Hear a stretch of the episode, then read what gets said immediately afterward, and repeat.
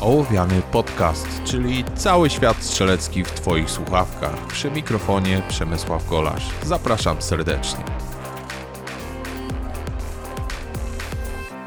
Witajcie w 27 odcinku Ołowianego. Dzisiaj po raz kolejny goszczę w jednostce wojskowej Agat w Gliwicach i będziemy rozmawiać na temat selekcji. Będzie sporo wskazówek na temat tego, jak się przygotować, na co zwrócić uwagę, co może pójść nie tak i to zarówno będą to uwagi od uczestników, tych, którym się udało i tych, którzy muszą jeszcze troszkę popracować, ale także będą wskazówki instruktora i psychologa wojskowego, także naprawdę warto posłuchać. Nie przedłużając, zapraszam Was bardzo do materiału.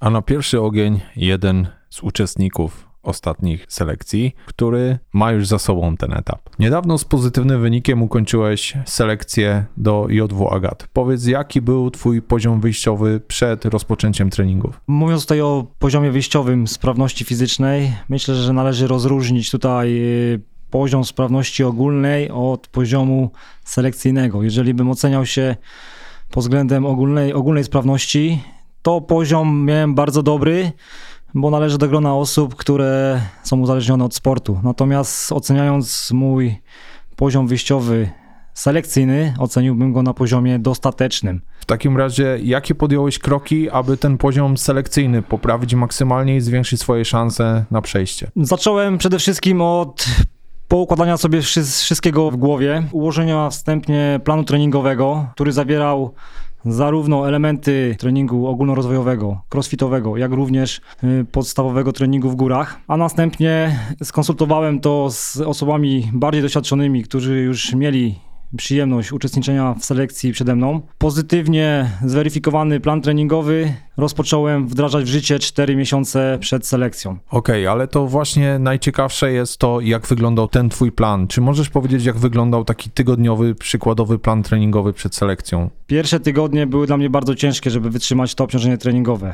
Y, trening zawierał 4 dni ćwiczeń ogólnorozwojowych, biegowych i crossfitowych i minimum 2 dni w tygodniu w górach. Jeżeli chodzi o dystans biegowy treningu, to było to minimum 10 km w różnych konfiguracjach. Bieg ciągły, rozbieganie lub bieganie interwałowe, ale minimum 10 km na jednostce treningowej. Jeżeli chodzi o trening y, ogólnorozwojowy, to przeważnie było to w oparciu o ćwiczenia crossfitowe.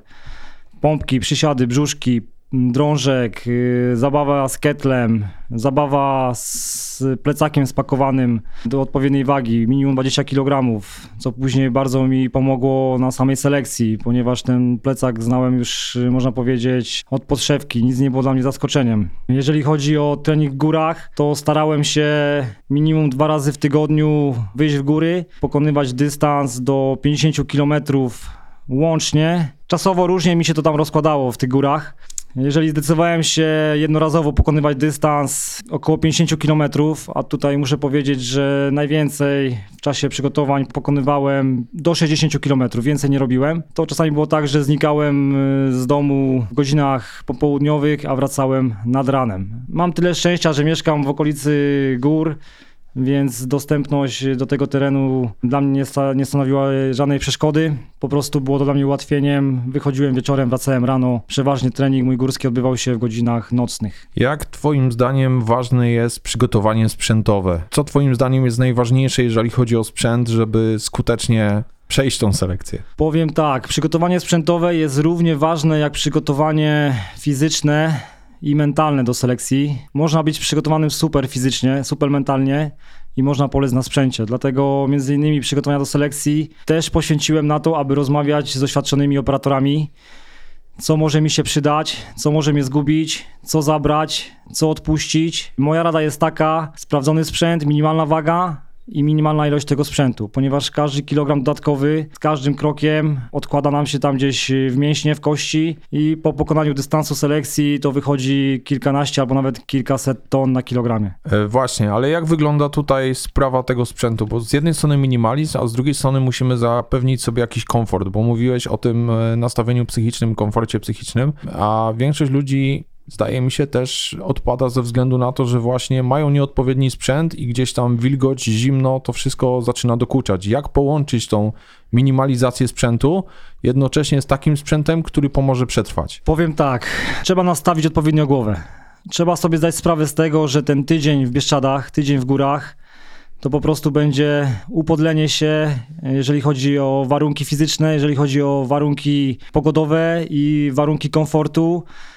Schodzą praktycznie w skali od 1 do 10 do 0 i na to trzeba się nastawić. Jeżeli ktoś się na to dobrze nie nastawi, że po prostu będzie zmęczony, będzie przemoknięty, że tydzień czasu musi wytrzymać bez jedzenia, bez picia, to, to może być najlepiej przygotowany fizycznie, może być najlepszy sprzęt, ale wtedy nawet najmniejsze załamanie pogody po prostu może mu się noga podwinąć. W kwestii tego, co już teraz wiesz, po tym jak przeszedłeś selekcję, co zmieniłbyś w swoim sprzęcie i czy nastąpiłaby taka zmiana? Na pewno zmieniłbym sprzęt do nawadniania, ponieważ zainwestowałem w odpowiednie przyrządy z camelbacka, to znaczy wężyki do butelek wkręcane, a temperatura pokazała to, że niejednokrotnie z tego wężyku nie mogłem korzystać, yy, bo zamarzała nam woda yy, właśnie w przewodzie. Owinąłbym go teraz na pewno jakąś warstwą izolacyjną. Tego nie zrobiłem, tego nie przewidziałem, ponieważ w przygotowaniach no, ta temperatura zawsze gdzieś tam była na plusie, bardziej deszczowa pogoda, jeżeli się przygotowywałem i nigdy nie miałem problem z tym, żeby właśnie mi to gdzieś tam zamarzło. Teraz już wiem, że, że no, pogoda w Pieszczadach jest nieprzewidywalna. Twój najtrudniejszy moment w czasie selekcji. Czy był taki moment, że były takie chwile zwątpienia, że stwierdziłeś, po co mi to wszystko, e, idę do domu? Powiem tak, miałem taki jeden moment, praktycznie to był moment już na zakończenie selekcji. To była najgorsza noc, można powiedzieć, w mojej karierze wojskowej. To była noc po maratonie, kiedy można powiedzieć, już w głowie mieliśmy to, że już praktycznie jesteśmy po, została ostatnia nocka. No muszę powiedzieć, że jednak tutaj mój wiek gdzieś y, zaczął wychodzić i moje zmęczenie było tak duże, że po prostu uniemożliwiło mi y, zaśnięcie, a bóle mięśniowe, bóle stawów i kości powodowały to, że w jednym momencie po prostu chciałem zacząć krzyczeć z bólu, aczkolwiek pomyślałem sobie, no nie, no nie, za, nie zacznę krzyczeć, bo jeszcze osta ostatnie 12 godzin i mogę zostać wyrzucony z selekcji. Co pomogło przetrwać? Podczas przygotowań w górach pomagało mi mm, bardzo dobrze na zmęczenie i bóle stawowe kąpiele w zimnej wodzie, w strumyku, w różnych rodzajach oczek wodnych. Po prostu po trasie jak szedłem już wiedziałem, że moje nogi są bardzo zmęczone. Na kilka minut zatrzymywałem się, wchodziłem do takiej zimnej wody, coś na zasadzie morsowania i te bóle mi przychodziły. No niestety tą ostatnią nockę, którą spędzaliśmy, nie było szansy gdzieś na znalezienie jakiegoś potoku. Też instruktorzy powiedzieli, że zakaz oddalania się z miejsca noclegu. Pomyślałem sobie, że wykorzystam kamienie, na których, na których przyszło nam się przespać i po prostu zacząłem przyklejać się bolącymi stawami i mięśniami do tych kamieni na taki okres, aż po prostu czułem, że one są już zmarznięte z jednej i z drugiej strony i to pomogło mi tam gdzieś to przetrwać tą noc. Mówiliśmy już o najgorszym momencie. Pewnie najlepszym było to, kiedy selekcja się zakończyła i wiedziałeś, że już się udało. Ale czy były jakieś takie momenty, które przerwały jakby tą powagę całej sytuacji? Coś śmiesznego, co się wydarzyło, co cię zupełnie wybiło z, z tego, co się działo dookoła? Tak, yy, takimi sytuacjami, które po prostu pozwalały zapomnieć mi o wszystkim. Na szczęście one się, one się dobrze kończyły to były tak zwane upadki podczas y, zejść, zejść ze stoków. W momencie, kiedy schodziliśmy poniżej jakiejś tam granicy metrowej, szlaki zaczęły się robić bardziej błotniste i roztopione. No i wiadomo, człowiek zmęczony, z obciążeniem na plecach. Co chwilę ktoś tam się pośliznął, upadł w różnej pozycji, czasami głową w dół, czasami Y, na plecach, na plecaku przejechał kilka metrów i po prostu sam, y, sam doświadczyłem kilka tych upadków i nawet sam z siebie się śmiałem, bo to było tak komicznie, pewnie wyglądało gdzieś tam z boku, że to jak gdyby na szczęście bez żadnej kontuzji się kończyło dla wszystkich. Mnie to bardzo bawiło i pozwalało gdzieś tam y, się trochę rozweselić i zapomnieć o tym samym trudzie. Jak wyglądał twój dzień po? Jak przywitała się z tobą rzeczywistość? No powiem tak, jestem ojcem dwójki dzieci. I rzeczywistość była taka, że po prostu chciałem pospać, chciałem przespać cały dzień. Aczkolwiek już wiadomo, jak to jest z małymi dziećmi, z samego rana już zostałem gdzieś tam wybudzony z mocnego snu. Zdążyłem tylko ubrać szerokie kapcie, ponieważ nic innego nie byłem w stanie założyć na moje opuchnięte i rozwalone stopy. I cały dzień przechodziłem ze swoimi dzieciakami z nogi na nogę, gdzieś tam kulejąc i zajadając wszystko, co się dało, pijąc wszystko, co się dało, regenerowałem gdzieś te swoje siły. Wspomniałeś o rodzinie. Jak ważne w tym całym procesie przygotowania do selekcji, chęci e, dołączenia do tej elity jest wsparcie rodziny? Powiem tak, że to jest równie ważne jak przygotowanie fizyczne, mentalne. No jeżeli nie ma, jeżeli twoja rodzina nie przechodzi razem z tobą tego wszystkiego, to to ci się może nie udać. Taka krótka checklista od strony kandydata, który przeszedł już jest w tej chwili e, żołnierzem i od strony instruktora. Co jest najważniejsze, jeżeli chodzi o sprzęt, który ma znaczenie, czy przejdziesz, czy nie przejdziesz selekcji? Jeżeli chodzi o stronę uczestnika, ja bym stawiał na buty i plecak. E, ze strony instruktora, tak, potwierdzam, buty, plecak jak najbardziej. E, sprawdzone oczywiście to musi być w 100%. Zima, na pewno jeszcze dobra kurtka, gdyż e, warstwa dolna nie jest aż tak ważna. I system nawadniania, tak jak właśnie powiedziałeś, bo bez jedzenia jesteśmy w stanie się na tyle wytrenować, że wytrzymiemy dosyć długo, natomiast bez odpowiedniego nawodnienia, nie ukrywajmy w czasie selekcji, nie ma do końca czasu, żeby w każdym momencie wziąć tą wodę, gdy chcemy. Także system nawodnienia także może być tutaj kluczowy. Teraz czas na opinię z drugiej strony. Mamy tu razem z nami także osobę, która dwukrotnie podchodziła do tej pory do selekcji i do tej pory się nie udało. Cześć, witaj. Witam wszystkich serdecznie. E, brałeś udział dwukrotnie w selekcjach. W jakich e, warunkach, jeżeli chodzi o pogodę? Tak, zgadza się. Pierwszy raz do selekcji przystąpiłem w czerwcu 2020 roku, a za drugim razem w marcu 2021 roku. Czyli można powiedzieć skrajnie różne warunki, od takiego typowego wiosennego, prawie już e, letniego e, słońca, po no, warunki ciężkie, górskie, takie przedwiośnie, jeszcze uciekająca zima. Co dla ciebie było najtrudniejsze i jak się przygotowywałeś do tych selekcji? Generalnie do pierwszej selekcji przygotowywałem się niecały miesiąc gdyż e, się właśnie o niej dowiedziałem miesiąc przed. Pogoda, pora roku napawała mnie optymizmem, że będzie nieco lżej, niemniej jednak e, góry to mocno zweryfikowały. Była pora deszczowa i było dużo błota.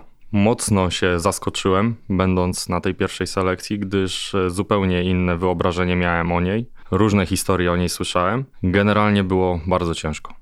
Tutaj chciałem nadmienić, że e, faktycznie ta selekcja czerwcowa e, charakteryzowała się tym, że ilość błota, która była na trasach, była wręcz zaskakująca. Ja praktycznie od 10 lat e, jeżdżę w Bieszczady i nawet na biegach rzeźnika, których też parokrotnie brałem udział, takich warunków, można powiedzieć, błotnych jeszcze nie było.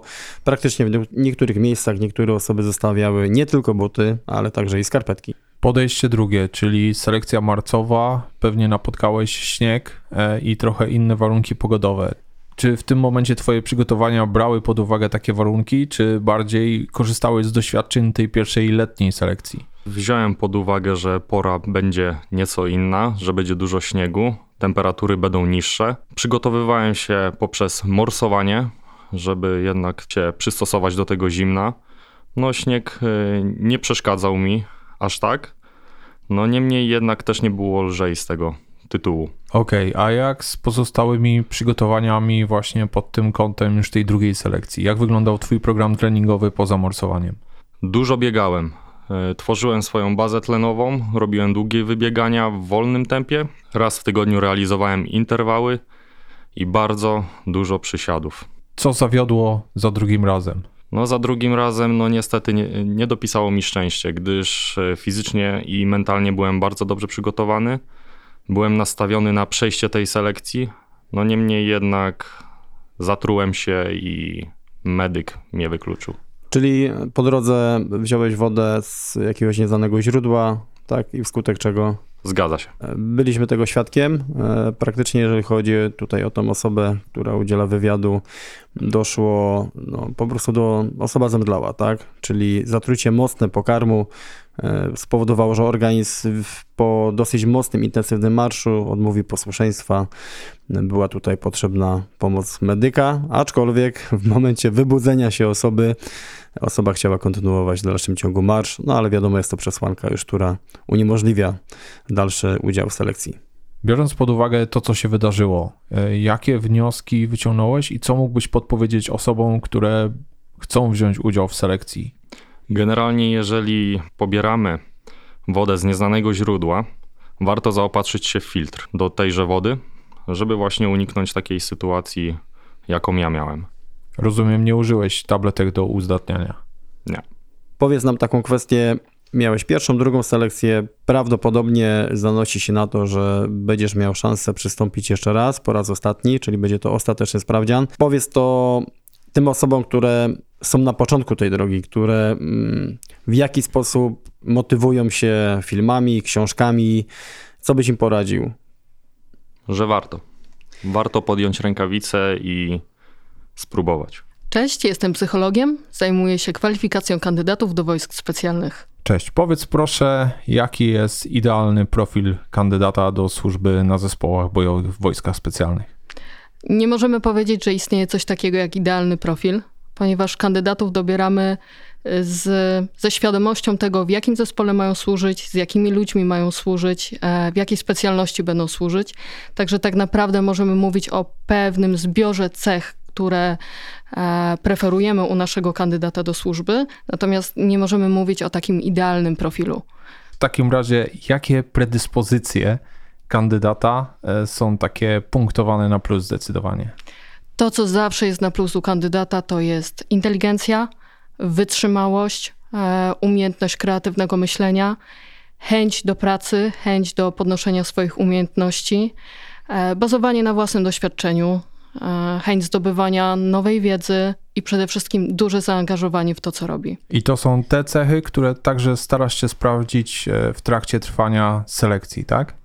To są między innymi cechy, które sprawdzamy w, tak, w trakcie trwania selekcji, e, ponieważ w trakcie całego okresu przebywania razem z naszymi kandydatami do służby duży nacisk kładziemy na pracę grupową, w zależności od tego, w jakim stopniu służą e, i od tego, do jakich stanowisk są przewidywani, sprawdzamy także ich umiejętności e, w roli lidera, umiejętności e, w kierowaniu grupą, umiejętności otoczenia grupy taką opieką, e, szerszego patrzenia na całą grupę, czyli dostrzegania nie tylko potrzeb własnych, ale także potrzeb pozostałych osób, z którymi akurat przebywają lub realizują dane zadanie. Także patrzymy bardzo szeroko, zarówno pod względem cech indywidualnych, jak i cech, które ujawniają się w pracach grupowych. No i właśnie teraz pytanie, czy psychologa można i czy powinno się bać i czy psychologa można oszukać?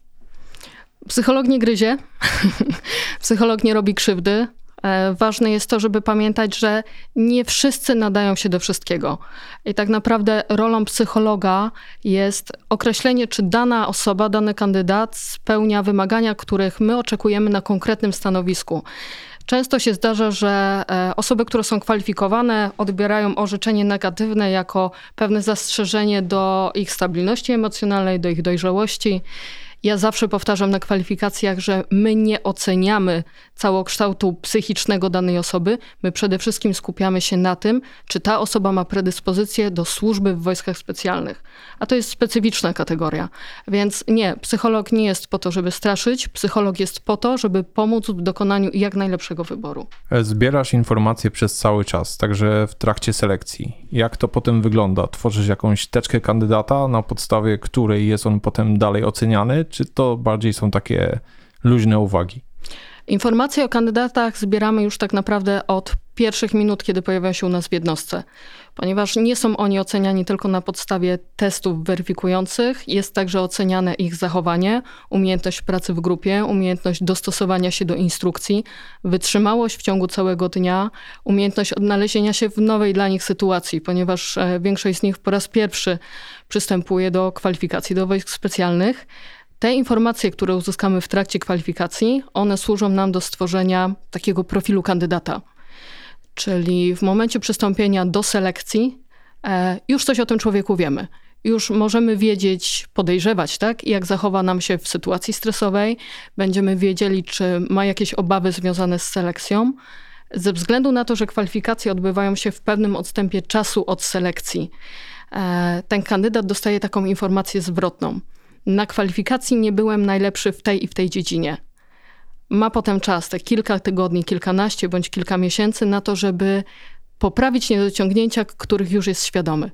E, my, mając takie informacje z kwalifikacji, na wstępie na selekcji patrzymy, czy błędy zostały poprawione, czy niedostatki wiedzy zostały nadrobione, czy jakieś lekcje dotyczące niewłaściwego przygotowania fizycznego, braków sprzętowych, o których mówił kandydat już na kwalifikacjach, czy to w jakiś sposób zostało poprawione, czy tam zostały wyciągnięte wnioski, czy ten kandydat wykazał taką dojrzałość w zakresie własnego przygotowania.